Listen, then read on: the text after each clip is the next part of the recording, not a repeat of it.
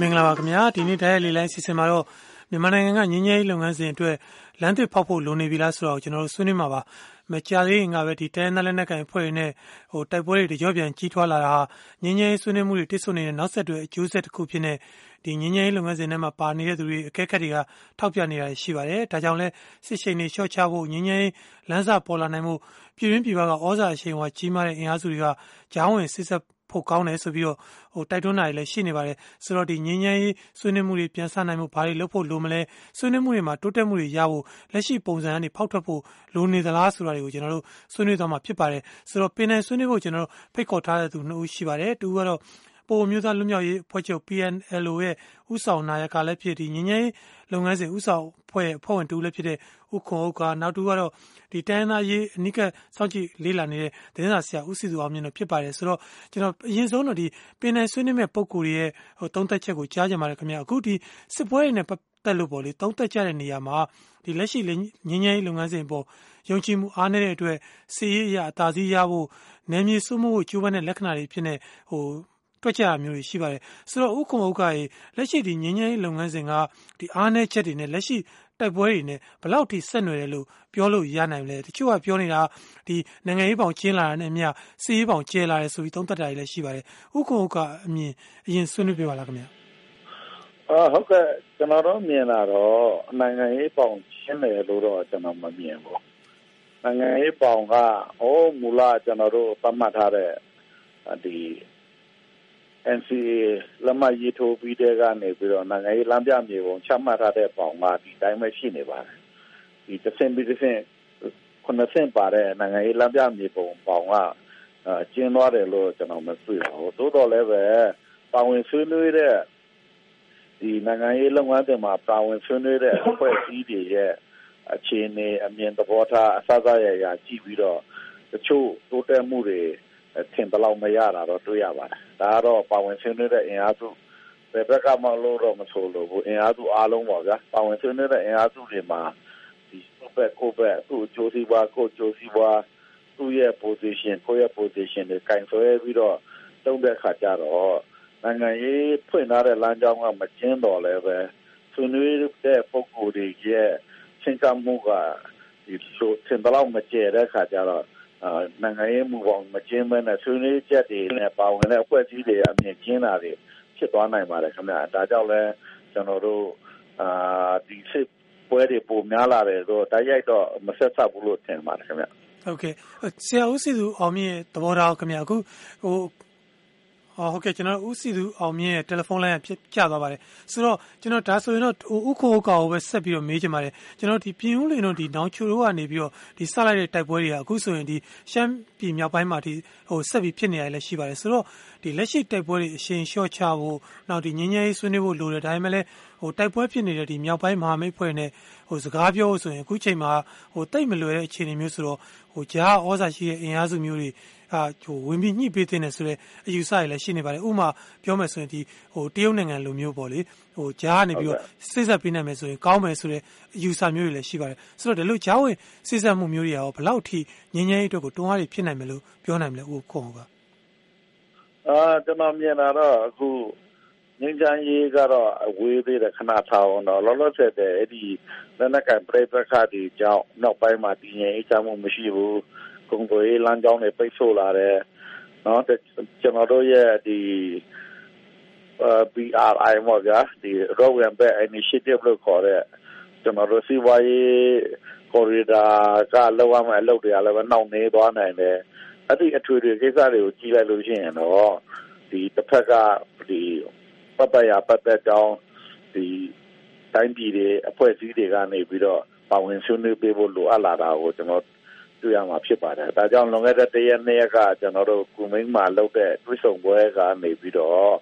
ဒီလက်နက်ကပြပခါတွေအပေါ်မှာဘယ်လောက်ထိပြောနိုင်ဆိုနိုင်မလဲဆိုတော့ကျွန်တော်စောင့်ကြည့်ရမှာပေါ့။သို့တော်လည်းပဲတွေ့ပြီးနောက်အစီအစဉ်တွေအတိုင်းပဲဒီ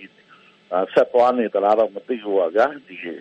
ဒီလှုပ်ရှားမှုတွေစိတ်ရေးဟိုအခင်းကျင်းနေဆက်တွေ့နေရတဲ့ခါကျတော့အဲ့ဒါလည်းပဲဘယ်လောက်ထိကျွန်တော်တို့ အာချင်းချင်းချင်းချင်းနဲ့ကြားဝင်တဲ့ကောင်းဆောင်တွေကြားဝင်တဲ့တိုင်းပြည်တွေအင်အားစုတွေဘယ်လောက်ဝင်နိုင်မလဲဘယ်လောက်ထိညှိနှိုင်းနိုင်မလဲဆိုတာတော့ကျွန်တော်တို့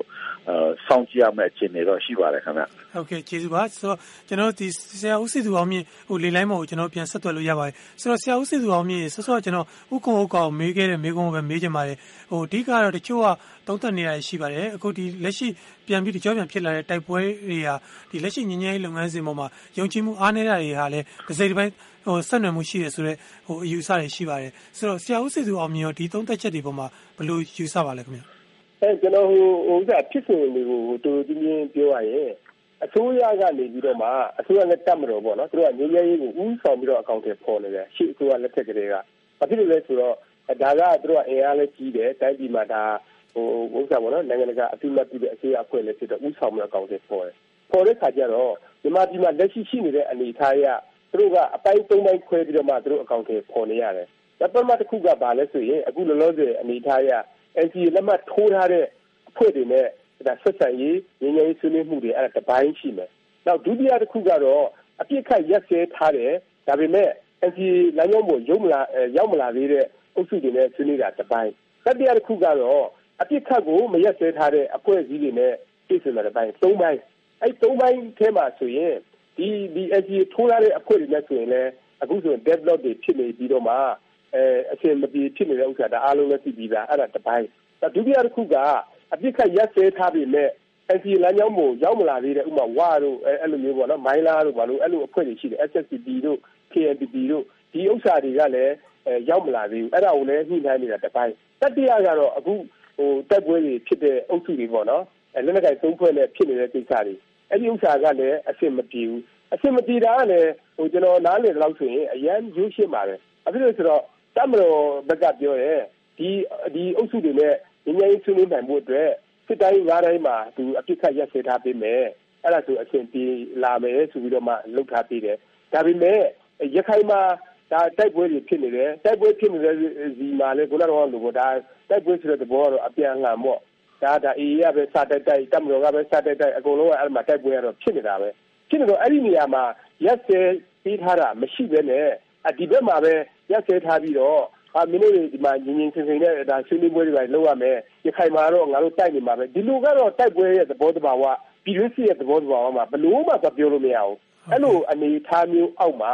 တစ်ဖက်ကလည်းမကိုင်ဟိုတိုက်ခိုက်တဲ့အဖွဲ့တွေကလည်းသူရတဲ့နေရာမှာရတဲ့အခြေအနေမှာရတယ်မျိုးပြန်ပြီးတော့မှတိုက်မယ်ဆိုတဲ့ဥစ္စာတော့တဘာဝပဲအဲ့ဒီကနေပေါ်ပေါက်လာတဲ့ပြိပခါလို့ဟိုကျွန်တော်ထင်ပါတယ် ဟုတ်ကဲ့ဆိုတော့ဟိုနောက်တစ်ခုလည်းကျွန်တော်မေးချင်တာကတော့အခုဒီဟိုတိုက်ပွဲတွေဒီရှမ်းမြောက်မှာဒီအခုချိန်ထိလည်းဆက်ဖြစ်နေတော့ဗောလေဆိုတော့ဒီလိုအခြေအနေမျိုးမှာဟိုပေါ်လေဟိုလက်ရှိဒီတိုက်ပွဲဖြစ်နေတဲ့အဖွဲ့တွေနဲ့ဆွေးနွေးဖို့ညှိနှိုင်းမှုဆိုတာအခက်အခဲရှိမယ်ဆိုတော့သိကြပါတယ်ဆိုတော့ဒီလိုအခြေအနေမျိုးမှာကြံတဲ့ဂျားကနေဩဇာညောင်းတဲ့အဖွဲ့အစည်းဥမာပြပဆိုတရုတ်လိုနိုင်ငံမျိုးอ่ะပေါ့လေဂျားဝင်စစ်ဆက်ညှိနှိုင်းမှုတွေလိုလိမ့်မယ်ဆိုပြီးတော့ဟိုတိုက်တွန်းတာတွေယူဆတွေရှိနေပါတယ်ဆိုတော့ဒါတွေရောဘယ်လောက်ထိအလုပ်ဖြစ်လာနိုင်တယ်လို့ဥစီစောမြေယူဆလဲခင်ဗျာ ကျွန်တော်တူးချင်းအမြင်ရဆိုကျွန်တော်မထင်ဘူးဗျ။ဘာဖြစ်လို့လဲဆိုတဲ့ခါကျတော့အခုလက်ရှိငြိမ်းချမ်းရေးလုပ်ငန်းစဉ်ကရှေ့သမ္မတဦးသိန်းစိန်အစိုးရလက်ထက်ကနေစခဲ့တာ။အဲ့ဒီအချိန်တုန်းကအစိုးရနဲ့တပ်မတော်ရဲ့သဘောထားကကျွန်တော်တို့1948လွတ်လပ်ရေးရပြီးကတည်းကအစိုးရအဆက်ဆက်ပေါ့နော်ဟိုတော်တွင်လက်နက်ကိုင်အဖွဲ့အစည်းတွေနဲ့ပတ်သက်တဲ့သဘောထားတွေမှာဟိုအပြော့ပြောင်းဆုံးနဲ့တကယ်ကိုအပြစ်ခတ်ရက်စေပြီးတော့မှငြိမ်းချမ်းရေးလိုလားတယ်ဆိုတဲ့သဘောထားမျိုးတွေနဲ့အစပြုခဲ့လို့ ဒီနေ့အချိန်အထိကိုအဲ့လိုမျိုးဆက်ပြီးတော့တွားနေတာပေါ့နော်ဟိုဆိုလိုတဲ့သဘောကတခြားဘေးပယောမကနေပြီးတော့မှတိုက်တွန်းလို့ဘာလို့ပေါ်ပေါက်လာတာမဟုတ်ဘူးတကယ်တကယ်ကာယကံရှင်တွေကိုယ်တိုင်အဲ့တော့ဒီစဲအစိုးရဒီစဲတက်မတော်ကိုယ်တိုင်ကဟိုစိတ်ထားသဘောထားသူတို့ကိုယ်တိုင်ကလူလူချင်းချင်းနဲ့လုပ်ခဲ့လို့အစပြုခဲ့တဲ့ဒါငញ្ញရေးလုပ်ငန်းစဉ်တွေလို့ကျွန်တော်ယူဆပါတယ်ဒါကြောင့်မလို့အခုလောလောဆယ်ဖြစ်သွားတဲ့ကိစ္စမှာလည်းဒီကာယကံရှင်တွေဖြစ်တဲ့အစိုးရတက်မတော်ပြီးတော့မှတစ်ဖက်ကလက်နက်ကိုင်သူတို့တွေက သဘောထားကတကယ်ကိုလူလူချင်းချင်းရှိတယ်ဆိုရင်ဒါကဘသူဘေးပယောကမှသွားပြီးတော့မှဟိုကတိုင်လင်းပြလူတယ်လို့ကိုကျွန်တော်မထင်ဘူးအရေးကြီးတာကတော့ကိုယ့်ရဲ့သဘောထားကတော့အဓိကကြတဲ့ဟိုဆိုဆိုလို့ပဲကျွန်တော်မြင်ပါတယ်တခြားတယောက်စုံတယောက်ကနေပြီးတော့မှဟိုဖိအားပေးမှခြားစုံတယောက်နေပြီးတော့ဝင်ပါပြီးတော့မှအလုပ်ဖြစ်မယ်ဆိုတဲ့ဥစ္စာကဒီလောလောဆယ်မြန်မာညီမကြီးလုပ်ငန်းစဉ်မှာကျွန်တော်တို့မတွေ့မိဘူးခင်ဗျ ဟုတ်ကဲ့ဆရာဦးစီစောမြင့်ဆွေးနွေးရကျေးဇူးပါဆိုတော့ကျွန်တော်တို့ကိုတိုက်ရိုက်ပါဝင်ဆွေးနွေးဖို့ဆက်သွယ်ထားတဲ့ပုံကိုယ်လည်းအခုလေးလိုင်းမှာရှင်းနေပါတယ်ဒီထက်အမေရိကန်ပြည်တော်စုကကိုခိုင်ဆိုးဖြစ်ပါတယ်ကိုခိုင်ဆိုးဆွေးနွေးလို့ရပါတယ်ခင်ဗျဟုတ်ကဲ့ပါကျွန်တော်ပြောချင်တာကအခုကပြင်ပကပြင်ပကိုအားကိုးလို့မရဘူးညာကျွန်တော်တို့ဖြစ်နေတာကကျွန်တော်တို့မိသားစုပြဿနာဖြစ်နေတယ်လင်မယားပြဿနာဖြစ်နေတာပေါ့အဲ့ဒါလင်မယားပြဿနာကိုကျော်လူကဘလောက်ပဲ ညှင့်ညှင့်ဘလောက်ပဲလော့လော့လုံးလို့မရဘူးအခုကဒီလင်မယားနှစ်ယောက်နေပြီးဖြစ်နေတဲ့ပြဿနာကိုလင်မယားနှစ်ယောက်ဖြေရှင်းမှပဲရှိမှာအဲ့တော့ကျွန်တော်တို့ဒီ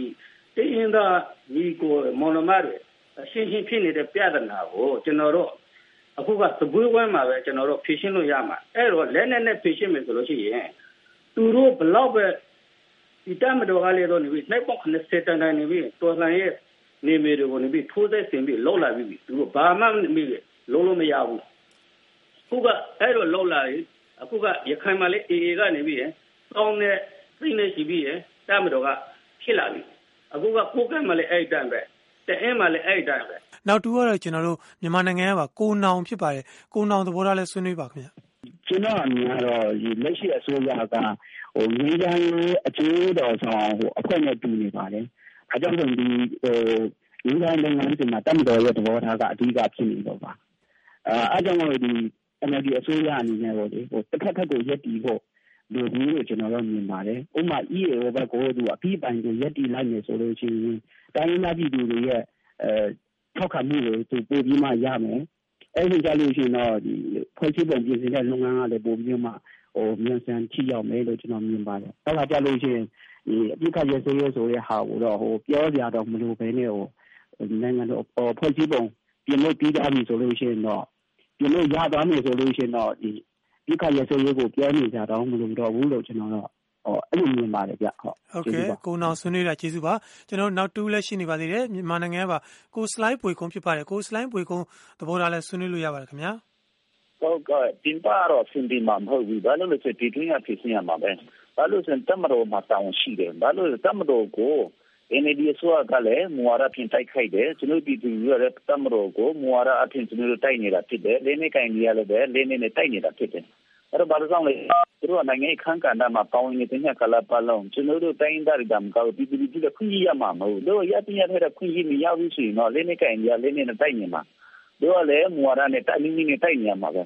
ဆိုတော့အဲ့ဒီဥစ္စာကတော့သူတို့တမတော်တာလင်သဘောထားကြည့်ပြီးတော့မှသူတို့ရှင်းနေပွဲပြန်ခွာမှာဖြစ်တယ်ဘယ်လိုပဲဖြစ်နေတယ်ဆိုသူတို့ဂုံတိတ်ခါရီနောက်ပြီးတော့နာကြည့်မှုတွေကျွန်တော်တို့ date ခေထားရမယ်အဲ့တော့တမတော်ကပြန်ခေါ်ပြီးတော့ဆွေးနွေးပွဲပြန်ခေါ်ရမယ်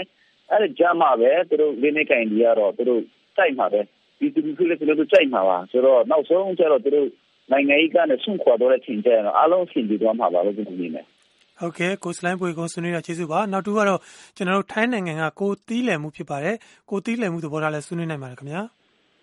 ဟုတ်ကဲ့ခင်ဗျာကျွန်တော်အနေနဲ့ကတော့အကြံပေးပုဂ္ဂိုလ်ဒေါ်ဆန်းစစ်ကြည်နဲ့နော်ဗိုလ်ချုပ်မင်းအောင်လှိုင်ကျွန်တော်အကြံပေးချင်ပါတယ်ခင်ဗျာဗမာပြည်ငြိမ်းချမ်းစေချင်တယ်ဆိုရင်နော်ကျွန်တော်တို့နော်2008အခြေခံဥပဒေကိုနော်အရေးကြီးတာကိုပြင်ဖို့လိုတယ်နော်25ရာခိုင်နှုန်းစစ်တပ်တွေနော်လွတ်တော်ထဲမှာ ဆင်းပေးဖို့လိုတယ်ဗျနော်တိုင်းရင်းသားဒေသတွေမှာစစ်တပ်တွေနေရာဝင်ယူတာကိုနော်ရုပ်သိမ်းပေးဖို့လိုတယ်အဲ့ဒါဆိုရင်မြန်မာပြည်ငြိမ်းချမ်းသွားမှာဖြစ်ပါတယ်ခင်ဗျ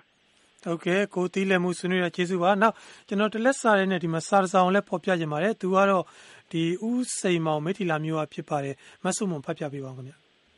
မြောက်ပိုင်းမဟာမိတ်သုံးဖွဲ့ရဲ့တိုက်ပွဲတွေဖော်ထုတ်လာတာဟာစစ်ရေးနဲ့နိုင်ငံရေးတို့အတွက်ရည်ရွယ်ပြီးလှုပ်ရှားပြလာတာလို့မြင်ပါတယ်။ စစ်ရေးအရ တပ်မတော်ကို သိက္ခာချဖို့၊မိမိတို့ရဲ့ အင်အားနဲ့ လုပ်ဆောင်နိုင်စွမ်းကိုပြပြီး တပ်မတော်ကို ခြိမ်းခြောက်ဖို့၊ AA နဲ့ ထိုးစစ်အရှိန်ကျသွားစေဖို့ ရည်ရွယ်တယ်လို့ ယူဆရပါတယ်။နိုင်ငံရေးအရကတော့ တပ်မတော်က ကိုင်ထားတဲ့ အချက် ၆ ချက် အပါအဝင် တင်းမာတဲ့ သဘောထားတွေ လျော့ကျနိုင်စေဖို့၊တစ်ဆို့နေတဲ့ ငြိမ်းချမ်းရေး ဆွေးနွေးပွဲတွေ အမြန်ပြန်စအောင် တွန်းအားပေးဖို့ ဖွဲ့စည်းပုံပြင်ဆင်တဲ့နေရာမှာ ငြိမ်းချမ်းရေး ဆွေးနွေးပွဲတွေမှာ မိမိတို့ လိုလားချက်တွေ အသာစီးမှုရနိုင်ဖို့တို့ကို ရည်ရွယ်ပြီး လုပ်တယ်လို့ ယူဆပါတယ်။ မြောက်ပိုင်းမဟာမိတ်တွေဟာ အိမ်နီးနားချင်းနိုင်ငံကြီးတခုရဲ့ သြဇာမကင်းသူများဖြစ်လို့လည်း ဒီနိုင်ငံကြီးရဲ့ သြဇာနဲ့ပဲ စစ်ရေးကို လျှော့ချပြီး နိုင်ငံရေးအရ ဆွေးနွေးမှုလမ်းကြောင်းပေါ် တက်လာအောင် လုပ်ပေးနိုင်လိမ့်မယ်လို့ ယူဆပါတယ်။ဒါဟာ လိုအပ်ချက်တရပ်လို့လည်း ထင်ပါတယ်။ရှေ့မတိုးနိုင်တဲ့ ငြိမ်းချမ်းရေးဆွေးနွေးမှုတွေ ပြန်စနိုင်ဖို့အတွက် တပ်မတော်အနေနဲ့ အာဏာရှိ ကြားဝင်ဖြန့်ဖြေပေးနိုင်မယ့်သူတွေနဲ့ ညှိနှိုင်းပြီးမိမိတို့ရဲ့ ထိုးစစ်တွေကို လျှော့ချဖို့ လိုပါမယ်။ တိုင်းရင်းသားလက်နက်ကိုင်အဖွဲ့တွေ တောင်းဆိုနေတဲ့ NCA ကိုရပ်ပြီး Bilateral နဲ့ သွားလိုမှုကို လျှော့ပေါ့စဉ်းစားသင့်ပါတယ် အစိုးရအနေနဲ့က အပြစ်ရပ်လက်မှတ်ထိုးထားတဲ့ တိုင်းရင်းသားအဖွဲ့အစည်းများနဲ့ အကြေအလည်ညှိနှိုင်းဖို့ စီစဉ်ရပါမယ်။လက်မှတ်မထိုးသေးတဲ့ အဖွဲ့တွေကိုပါ ပါဝင်လာစေဖို့ ကြိုးပမ်းရမှာ ဖြစ်ပါတယ်။ဒီလိုဆွေးနွေးမှုတွေ တိုးတက်အောင်မြင်ဖို့ကတော့ တိုင်းရင်းသားအဖွဲ့အစည်းပိုင်းကရော အစိုးရနဲ့ တပ်မတော်ဘက်ကပါ အသေကိုင်ထားတဲ့ အစွဲတန်လာတဲ့ လိုလားချက်နဲ့ သဘောထားများဖြစ်တဲ့ လက်ရှိပုံစံတွေကို တနိုင်ငံလုံး ငြိမ်းချမ်းရေးနဲ့ ဒီမိုကရေစီ ဖက်ဒရယ်ပြည်ထောင်စု မြန်မာနိုင်ငံတော်ကြီး တည်ဆောက်မယ်ဆိုတဲ့ ဘုံညီမှန်းချက်အားဖြင့် တစ်ဆို့မှုတွေကို ထိုးဖောက်ရမှာဖြစ်တယ်လို့ မြင်ပါတယ်ဆိုပြီး ရေးထားပါတယ်ရှင်။ ဟုတ်ကဲ့ဒီဥစိန်မောင်ရဲ့ဆာမာတော့ဒီငင်းငင်းလုပ်ငန်းစဉ်မှာတစ်ဖက်နဲ့တစ်ဖက်နဲ့အလျှော့တင်းလုပ်ဖို့လိုတယ်ဆိုတာကိုသူကထောက်ပြထားပါတယ်ဆိုတော့ဥက္ကုံဥက္ကရဲ့ကျွန်တော်လက်ရှိလုပ်ငန်းစဉ်မှာအခုကတစ်ဆို့နေတယ်ဆိုတော့ဘာတွေအများအထူးကအဟန်တာဖြစ်လို့အခုလိုတစ်ဆို့နေတယ်လို့ဟိုပြောနိုင်တာရှိတယ်ဟိုဟိုပါဝင်နေတဲ့ပုံကိုယ်တွေဘိုင်းကအဲပြဿနာလားဒါမှမဟုတ်ကျွန်တော်ငင်းငင်းလုပ်ငန်းစဉ်ချထားတဲ့ရေးဆွဲထားတဲ့အခြေခံမူပေါင်းကပြဿနာရှိနေရလားဘာတွေကအထူးကအဟန်တာဖြစ်နေရတာလဲအာကျွန်တော်ကြည့်တာတော့ ရေးဆွဲထားတဲ့မူပေါင်းတွေနဲ့နိုင်ငံရေးလမ်းပြမြေပုံမှာအဟန့်တာမဟုတ်ပါဘူး။ပါဝင်ဆွေးနွေးတဲ့အင်အားစုတွေရဲ့ဒီဟိုပါပေါ့တစ်ဖွဲ့ချင်းတော့၎င်းပေါ့ဗျာ။ဒီအင်အားစုအရာတော့၎င်းပေါ့။အဲ့ဒီမှာဖြစ်ပေါ်တဲ့ပြဿနာတွေပါ။ဥပမာနောက်ဆုံးတစ်ဆိုတဲ့ကိစ္စတွေကြည့်ရင်ကျွန်တော်တို့ဖက်ဒရယ်ပြည်တော်စုအခြေခံမူတွေရှာမယ်ဆိုရင်လို့ရှိရင်ဒီပြည်တော်စုအဖွဲ့ဝင်ပြည်နယ်များရဲ့ ကိုယ်ပိုင်ပြဋ္ဌာန်းခွင့်အခွင့်အရေးကိုကျွန်တော်တို့ကစာချုပ်တွေအတိုင်းဖြည့်ဆွတ်တောင်းဆိုရမှာဖြစ်ပါတယ်။စာချုပ်တွေအတိုင်းဖြည့်ဆွတ်တောင်းဆိုလို့ရှိရင်ကိုယ်ပိုင်ပြဋ္ဌာန်းခွင့်ရဲ့အခြေခံအဖြစ်ဒီနယ်အခွင့်အရေးထဲမှာဒီနယ်အာဖွဲ့စည်းပုံအခြေခံဥပဒေတောင်ရေးဆွဲရေးဆိုတာလည်းပါပါတယ်။ဒီလိုခွင့်လန်းမျိုးကိုဒီပြည်တော်စုငြိမ်းချမ်းညီလာခံမှာတင်ပြတဲ့အခါမှာကြတော့အစိုးရဘိုင်းကသဘောတူမှု စုံတရားရရှိတော်လဲပဲတမတော်ကိုယ်စားလှယ်များကဒီတိုင်းတော့မဖြစ်ဘူးအာဒီခွဲမထွက်ရဆိုတဲ့2008ထဲကဒီပုံမှန်တစ်ခုကိုပြဋ္ဌာန်းချက်တစ်ခုကိုယူလာပြီးတော့ဒါနဲ့တွဲဖက်ပြီးတော့ပါဗျာပြည်နယ်များရဲ့ကိုယ်ပိုင်ပြဋ္ဌာန်းခွင့်ခွင့်ရေးပြီးရမယ်ဆိုရင်ခွဲမထွက်ရဆိုတဲ့ကတိကိုကိုလည်းပေးမှဖြစ်မယ်ဆိုပြီးတော့အဲ့ဒီလို package သဘောမျိုးတွဲလိုက်တဲ့စီကစပြီးတော့နိုင်ငံရေးဆွေးနွေးပွဲတွေက ရှေ့တိုးမရနောက်ဆုံးမရဖြစ်သွားတာလေအဒီကနေစပါတယ်ဟုတ်ကဲ့ဒါကြောင့်ဒီကင်ဆွဲတဲ့ policy ဒီ position တွေကွာဟခြင်းကြောင့်ပြဆိုတာဖြစ်ပြီးတော့ဟိုစာချုပ်စာတမ်းကျွန်တော်သဘောတူထားတဲ့တဲမှာအာဒီအကြက်တဲ့ပိတ်ဆို့မှုကြောင့်မဟုတ်ပါဘူးခင်ဗျဟုတ်ကဲ့ဆရာဦးစီသူအောင်မြင့်သဘောထားခင်ဗျအခုလက်ရှိကျွန်တော်တို့ဒီဟိုသွားနေတဲ့ငញ្ញရေးလုပ်ငန်းစဉ်မှာအဓိကအဟန့်တားဖြစ်နေတာဘာလို့များသုံးသပ်လို့ရမလဲအဲကျွန်တော်ခုနကပြောသလိုပဲ ဒီငင်းငယ်လုပ်ငန်းစဉ်ကသူကအပိုင်းသုံးပိုင်းခွဲပြီးတော့သွားနေတာကိုတပြိုင်နက်တည်းသူသွားနေတာကိုသွားနေတဲ့ခါကျတော့တစ်ခုချင်းတစ်ခုချင်းဒီမှာဟိုတိတ်ဆိတ်နေတဲ့ကိစ္စတွေကမတူဘူးသူကခုနကဦးခေါဥက္ကာပြောတဲ့ဟာမှာဆိုရင်သူက NCA လက်မှတ်ထိုးထားတဲ့အဖွဲ့တွေနဲ့ပတ်သက်ပြီးတော့မှပြောတာဟုတ်တယ်အဲ့ဒီမှာဆိုရင်ဘာဖြစ်သွားသလဲဆိုတဲ့အခါကျတော့တခုဒီတော့တတ်မတော်လို့တတ်မှတ်ရေးကိစ္စတွေအဲပြီးတော့မှခုနကပြောတဲ့ခွင့်ထွက်ကိစ္စတွေအဲ့ဒါတွေကတိတ်ဆိတ်မှုဖြစ်သွားတယ်အခုလုံးလုံးတွေတက်ကြွတွေဖြစ်လာတဲ့အခြေခံအကြောင်းအရာကြတဲ့အခါကျတော့ ဒါကအပြစ်ဆက်ရစေးမလုပ်ထားတဲ့အဖွဲ့တွေနဲ့ဖြစ်တဲ့ပြဿနာဒီမှာကြားတဲ့ခါကျတော့အစိုးရနဲ့တပ်မတော်ဘက်ကနေပြီးတော့မှဟိုတိုင်းပြည်လုံးအပြစ်ခတ်ရက်တာမလုပ်ဘဲနဲ့ရခိုင်မှာတော့ဒါတော့တိုက်နေမယ်တခြားနေရာမှာတော့ငါးနေရာမှာတော့ရက်ပြီးမယ်ဆိုပြီးတော့မှအဲ့ဒီအခြေခံကနေပြီးတော့မှတက်ပွဲဒီဘက်မှာပြန်ပေါ်လာတဲ့ပြဿနာဆိုတာကဟိုတိစုံမှုတွေဖြစ်နေတဲ့ပြဿနာချင်းတွေကတစ်ခုနဲ့တစ်ခုမတူဘူးခင်ဗျအဲပြီးတော့မှနောက်အပြစ်ခတ်တော့ရက်ထားပြီးပြီဒါပေမဲ့ NCA စာချုပ်တွေကိုလာပါဆိုပြီးတော့မှခေါ်နေလို့ လက်ရှိချိန်ထိရောက်မလာသေးတဲ့ခုနကတော့ဝါတို့မိုင်းလာတို့ဒါ SSPP မြောက်ပိုင်းတပ်ဖွဲ့တို့ဘာလို့ပြဿနာကြတော့အဲ့ဒါကတော့တပိုင်းဖြစ်တယ်ခင်ဗျအဲ့လိုသုံးပိုင်းခွဲပြီးတော့မှကျွန်တော်တို့နားလေကြည့်တော့မှဟိုရမယ်လို့ကျွန်တော်ထင်ပါတယ်ခင်ဗျ ဟုတ်ကဲ့ဆရာဦးစီစုအမြင့်ဆွေးနွေးတာကျေးဇူးပါဆိုတော့ကျွန်တော်တို့ဟိုပေးပို့ထားဆွေးဟိုဆွေးနွေးပွဲအတွက်ကိုပေးပို့ထားတဲ့စာတချို့လည်းကြံနေပါသေးတယ်ဒီထက်ကဒီစာကတော့တကုံမျိုးသစ်ကဥလာထွန်းဖြစ်ပါတယ်သူကတော့ဒီတမန်နောက်ခံနဲ့သူ့အမျိုးစားတော်တော်ရှိရှိရေးထားပါတယ်ဒီထက်ကဟိုဟိုလူရင်းကောင်းနှုတ်ချက်ကိုဖော်ပြမယ်ဆိုရင်တော့သူကဒီရခိုင်နဲ့ရှမ်းမြောက်မှာစစ်ပွဲတွေအရှိန်မြင့်လာတာရှင်းပါတယ်တဲ့ဖက်ဒရယ်ဆိုတဲ့စကားကိုရှေ့ကဆရာနာရှင်တွေလုံးဝလက်မခံခဲ့သလိုအယက်သားနိုင်ငံရေးသမားတွေကလည်းပါဇက်ပြောတာရှိနေတာပါတဲ့ဆွေးနွေးပွဲလို့သာပြောနေတဲ့ပွဲကြီးကလည်းပွဲစားကြားကန်နဲ့တောင်းစီရေးများပြောနေတာဖြစ်ပြီးနိုင်ငံရေးမူဝါဒအတိအကျလုံးဝမပါလို့ပြင်းရင်ညင်းငွေစရာပါတဲ့ကျွန်တော်အမြင်ရ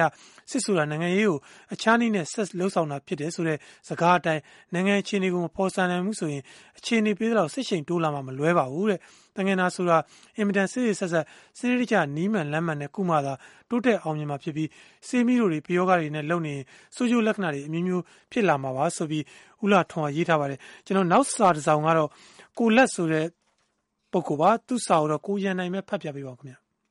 ငញ្ញရေးဆွေးနွေးမှုတွေလက်ရှိပုံစံကနေဖောက်ထွက်ဖို့လိုနေပါပြီလားဆိုတဲ့စာကြောင်းကိုကျွန်တော်လုံးဝသဘောကျပါတယ်။ပုံစံအသစ်ပေါ့။ဦးသိန်းစိန်အစိုးရလက်ထက်နဲ့ဒေါ်စုအစိုးရလက်ထက်နှစ်ရပ်လုံးမှာငြိမ်းချမ်းရေးဆွေးနွေးမှုတွေဟာခေါင်းစဉ်အသွင်နာမည်ပြောင်းပြီးဆွေးနွေးတာပဲထူးခြားတယ်။သို့သော်သွားနေတဲ့ပေါ်လစီဟာလမ်းဟောင်းလို့ပဲမြင်ပါတယ်။တိုင်းရင်းသားလက်နက်ကိုင်တွေဘက်ကတိုက်ပွဲတွေပြင်းပြင်းထန်ထန်ဖန်တီးလိုက်တိုင်း NRPC အဖွဲ့ကငြိမ်းချမ်းရေးအတွက်ကောက်ခံငင်ကာတိုင်းရင်းသားလက်နက်ကိုင်အဖွဲ့တွေကိုသွားတွေ့လိုက်တဲ့ပေါ်ပင်လုပ်ရပ်တွေလို့မြင်ပါတယ်။ တိုင်းရင်းသားဒေသတွေမှာ မြန်မာစစ်တပ်က ပြင်းပြင်းထန်ထန် ထိုးစစ်ဆင်ပြီဆိုရင် NRPC အဖွဲ့က ငြိမ်းချမ်းရေးဆွေးနွေးရေးကို ပြောဖို့ နေနေသာသာ ဖုတ်လေးတဲ့ ငပိရှိလေ ခေါင်းပန်းတောင် မသိတဲ့ပုံစံနဲ့ ခွန်းတုံ့ပြန်မှု တခါမှ မကြားဘူး မမြင်ဘူးသေးပါ။ဒါဟာလည်း ဘက်လိုက်မှု ပုံစံဟောင်းတမျိုးလို့ပဲ မြင်ပါတယ်။ကျွန်တော် အဓိက ဆွေးနွေးလိုတာက ပြည်ပဖိအား ပါဝင်မှုထက် ပြည်တွင်းဖိအားကို အားကောင်းမောင်းသန် သီးခြားအဖွဲ့တခုက ဦးဆောင်ပြီး ပြည်သူ့အင်အားကို သိမ်းကျုံးရယူနိုင်အောင် လုပ်ဆောင်ပါ။ ၈၈ လူထုအုံကြွမှုလို ငြိမ်းချမ်းရေးအုံကြွမှု တတိုင်းပြည်လုံး ပြည်သူတွေပါဝင်အောင် လှုပ်ရှားရေးတခု အကောင်အထည်ဖော်ဆောင်သင့်ပါတယ် ပြည်သူ့အင်အားဟာ အထိရောက်ဆုံးနဲ့ အကောင်းဆုံးပါလို့ ကျနော်ယုံကြည်ပါတယ်။ဟုတ်ကဲ့ ဒါကတော့ကျနော်ကိုလတ်ဆိုတဲ့ ပုဂ္ဂိုလ်ရဲ့ သဘောထားပါဆိုတော့ ကျွန်တော်တို့ ဆွေးနွေးပွဲ အဆုံးမသတ်ခင်မှာပဲ ကျွန်တော် ပင်တိုင်ဆွေးနွေးတဲ့ ပုဂ္ဂိုလ်တွေရဲ့ သုံးသပ်ချက်ကိုလည်း ကြားချင်ပါတယ်။ဆိုတော့ ဆရာဦးခွန်ဥက္ကာရေ လက်ရှိ ငြိမ်းချမ်းရေး လုပ်ငန်းစဉ်မှာ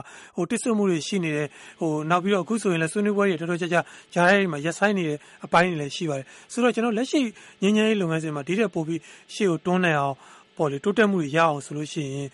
လက်ရှိ လုပ်ငန်းစဉ်ကနေ လက်ရှိ လမ်းဟောင်းကနေ ဖောက်ထွက်ဖို့ လိုနေပြီလား။လိုတယ်ဆိုရင်ရော ဘယ်လို နည်းလမ်းမျိုးတွေ အသစ် စဉ်းစားသင့်တယ်လို့ ဦးခွန်ဥက္ကာ အနေနဲ့ ယူဆလဲ ခင်ဗျ ဟုတ်ကဲ့အခုကျွန်တော်တို့အာဟိုပါဗောလေမေလအတွင်းမှာကျင်းပတယ်ကျွန်တော်တို့ဒီဟိုညာရဲ့ထိပ်သီးအစည်းအဝေးကနေဆုံးဖြတ်ပြီးတော့ဖောက်ထွက်နိုင်တဲ့နီလန်းတွေရှာဖွေဖို့အလုပ်ဖွဲ့တွေဖွဲ့ပြီးပါတယ်ဒီအလုပ်ဖွဲ့က3လတိုင်နဲ့အလုပ်လုပ်ပြီးတော့အခုနီလာနဲ့ရရှိလာပြီးတော့ကျွန်တော်တို့တစ်ဖက်ကဆွေးနွေးဘက်ပေါ့လေအစိုးရတမတော်ဘက်နဲ့လွတ်သဘောအပြန်လာညှိနှိုင်းတဲ့နေရာမှာ ဟိုအဆင့်၄ဆင့်ပါတဲ့ဆွေးနွေးမှုတွေနော်ကျွန်တော်တို့တပြိုင်နက်တည်းအာဒီကြမလာတွေကိုနောက်တစ်ခုပြီးတစ်ခုမဟုတ်ဘဲနဲ့အာဒီဖြည့်ရှင်းရင်းနဲ့အရှိကိုတိုးရှိတိုးရင်းနဲ့ဖြည့်ရှင်းဆိုတဲ့ပုံစံမျိုးနဲ့ညှိနှိုင်းတာတွေလည်းရှိပါတယ်ရှိတဲ့အတွက်ကျွန်တော်တို့အခုဒီလေးချိန်မြောက်ပေါ့ PPSD အစည်းအဝေးကိုလည်းပဲကျွန်တော်ခေါ်ယူကျင်းပပြီးတော့ဒီပေါ့ထွက်ပေါ့ထိုးပေါ့ထွက်နိုင်တဲ့နီလာနေလည်းရရှိနေပါတယ် ဒါကြောင့် ကျွန်တော်တို့ မကြခင်မှာ ကျွန်တော်တို့ရင်မှန်းနေတဲ့ နိုင်ငံရေးဆွေးနွေးပွဲဆိုဒီမှာလည်းအတိတ်ပဲပြေးဝပြီးတော့ ကျွန်တော်လိုချင်တဲ့ Federal ပြည်ထောင်စု တည်ဆောက်ရေး အခြေခံမူတွေကို ဆုပ်ဆုပ်ကန်ကန်ရရှိနိုင်မဲ့ဆွေးနွေးပွဲမျိုး ဆုံးဖြတ်ချက်တွေ ချနိုင်တဲ့ ဆွေးနွေးပွဲမျိုးကိုဥတည်ဖို့အတွက် ကျွန်တော်တို့ဒီ NCA လက်မှတ်ရေးထိုးထားတဲ့ အဖွဲ့အစည်းတွေ အားလုံးကတော့ သစုတည်စည်းတညီတညွတ်ထမ်းတဲ့ဝိုင်းဝန်းကြိုးပမ်းနေကြပါတယ်ဆိုတာကျွန်တော်တင်ပြခြင်းပါဟုတ်ကဲ့ဆရာဦးစီသူအောင်မြင်ရောခင်ဗျာကျွန်တော်အခုအချိန်1မိနစ်ခွဲလောက်တော့ကြာပါသေးတယ်ဆရာကြီးအခုကျွန်တော်ဒီလက်ရှိဒီငញ្ញရေးလုပ်ငန်းစဉ်ကနေပြီးတော့ဟိုပေါက်ထွက်ပြီးတော့ရှေ့ကိုတိုးတက်အောင်လုပ်နိုင်မဲ့လုံးဖို့စဉ်းစားဖို့လိုနေပြီလားလိုရဲဆိုရင်ရောကျွန်တော်တို့ဘလို့နီးလန်းနေစဉ်းစားတဲ့တယ်လို့များဆရာအနေနဲ့သုံးသပ်လို့ရမလဲအဲ့ဒီမှာကျွန်တော်ကတော့ဟို၃၃ပိုင်းမြင်တယ်ဗျ၃ပိုင်းမြင်တယ်ဆိုတာကဟိုဖောက်ထွက်တယ်မထွက်ဘူးဆိုတာထက်ကို ဥပမာတပ်မတော်ပေါ့တပ်မတော်ဆိုရင်အရှိသမရဦးသိန်းစိန်အစိုးရလက်ထက်တုန်းကဆိုရင်အများကြီးရှေ့ဒီကုလတော်ပြောသလိုပေါ့နော်ငញ្ញရေးသမိုင်းကြီးတစ်ချောင်းလုံးမှာမရှိခဲ့တဲ့ဟိုလိုက်ရောမှုမျိုးတွေအပေးယူလုပ်မှုမျိုးတွေနဲ့ဒီငញ្ញရေးလုပ်ငန်းစဉ်တွေမှာသူပါဝင်ခဲ့တယ်အဲ့ဒီအတိုင်းကိုဟိုတီဗီချာချာဘောနော်အခုဆိုရင်ပြဿနာဘာလို့ဖြစ်တာလဲဒီတိုက်ပွဲတွေဘာလို့ဖြစ်တာလဲဒီသုံးခွဲနဲ့ဘာဖြစ်လို့ဟိုအဆင်မပြေဖြစ်ရတာလဲဆိုတဲ့ဥစ္စာကိုသေချာကြားနာလုပ်ပြီးတော့အဲသူ့အနေနဲ့ငញ្ញရေးကိုလိုလိုလားရှိဖို့ အဲအဲ့ဒီစာကတော့အရေးကြီးပါတယ်အဲအဲ့ဒါအဲ့ဒါတစ်ချက်ဒုတိယတစ်ချက်ကတော့အစိုးရပေါ့အခုဆို NLD အစိုးရဖြစ်သွားပြီအဲ့တော့ NLD အစိုးရကလည်းပြဿနာတွေဘယ်နားမှာဘာဖြစ်နေလဲဆိုတာသူသိချာနားလည်ဖို့လိုတယ်နားလည်ပြီးဆိုတဲ့ခါကျရင်တပ်မတော်ကိုဘယ်ဘက်ကနေထောင်းပြမလဲဘယ်ဘက်ကနေစီးရုံးခေါ်ဆောင်မလဲပြီးတော့မှတိုင်းသားလက်နက်ကိုင်တွေကိုဟိုဘယ်နည်းဘယ်လမ်းနဲ့အဲပြောပြီးပြောဆိုစီးရုံးပြီးတော့မှဒီပုံရောက်လာအောင်လုပ်မလဲဆိုတော့ဥစ္စာသူ့ဘက်ကလုပ်ဖို့လိုပါတယ်အဲနောက်နောက်ဆုံးတစ်ချက်ကတော့ခုနကတော့ကျွန်တော်တို့ဟိုပြိဿတ်ထဲမှာတယောက်ပြောသွားတယ်ကိုလက်ပြောတဲ့ဥစ္စာအဲ့ဒါအရေးကြီးတယ် အဲဘာလဲဆိုတော့ပြည်သူလူထုတွေကပါဝင်မှုကိစ္စပေါ့နော်ပြည်သူလူထုတွေပါဝင်မှုဆိုတာကဟိုရင်ကတင်ကိုတော်မိုင်းတွေပါလို့ဖြစ်တုံးရဆိုရင်တော့ငင်းငယ်ရေးကိုတောင်းဆိုတဲ့ပြည်သူလူထုရဲ့အင်အားအရန်ကြီးမားတယ်အခုကြတဲ့ခါကျတော့အဲ့ဒါမျိုးမတွေ့ရဘူးကျွန်တော်တို့တွေ့တာနှစ်ခုပဲတွေ့နေရတယ်အစိုးရကိုထောက်ခံရင်ထောက်ခံတမတော်ထောက်ခံထောက်ခံမထောက်ခံရင်တိုင်းသားလက်နက်ကိုင်တွေထောက်ခံတဲ့အင်အားစုမျိုးတွေပဲတွေ့နေတယ်အဲ့ဒီနေရာမှာတကယ်ကိုငင်းငယ်ရေးကိုပြည်ပြည်ကထောက်ခံတဲ့ ငင်းငယ်ရေးအတွက်ကိုဒါသေချာအာရုံစူးစိုက်တဲ့ပြည်သူလူထုရဲ့လှုပ်ရှားမှုကြီးလိုအပ်နေတယ်လို့တော့ကျွန်တော်မြင်ပါတယ်အဲ့လိုသုံးခုပေါင်းလိုက်တယ်ဆိုရင်တော့ကျွန်တော်ရဲ့ငင်းငယ်ရေးကအများကြီးအရှိကိုသွားနိုင်လိမ့်မယ်လို့ကျွန်တော်ထင်ပါတယ်ဟုတ်ကဲ့ကျေးဇူးတင်ပါတယ်ဆရာဦးစီစောမြင့်ပါဝင်ဆွေးနွေးပေးကြတဲ့ပုဂ္ဂိုလ်တွေအားလုံးနဲ့တောထရှင်တွေအားလုံးကိုလည်းအထူးပဲကျေးဇူးတင်တဲ့အကြောင်းဒီနေ့ပြောချင်ပါတယ်ခင်ဗျာ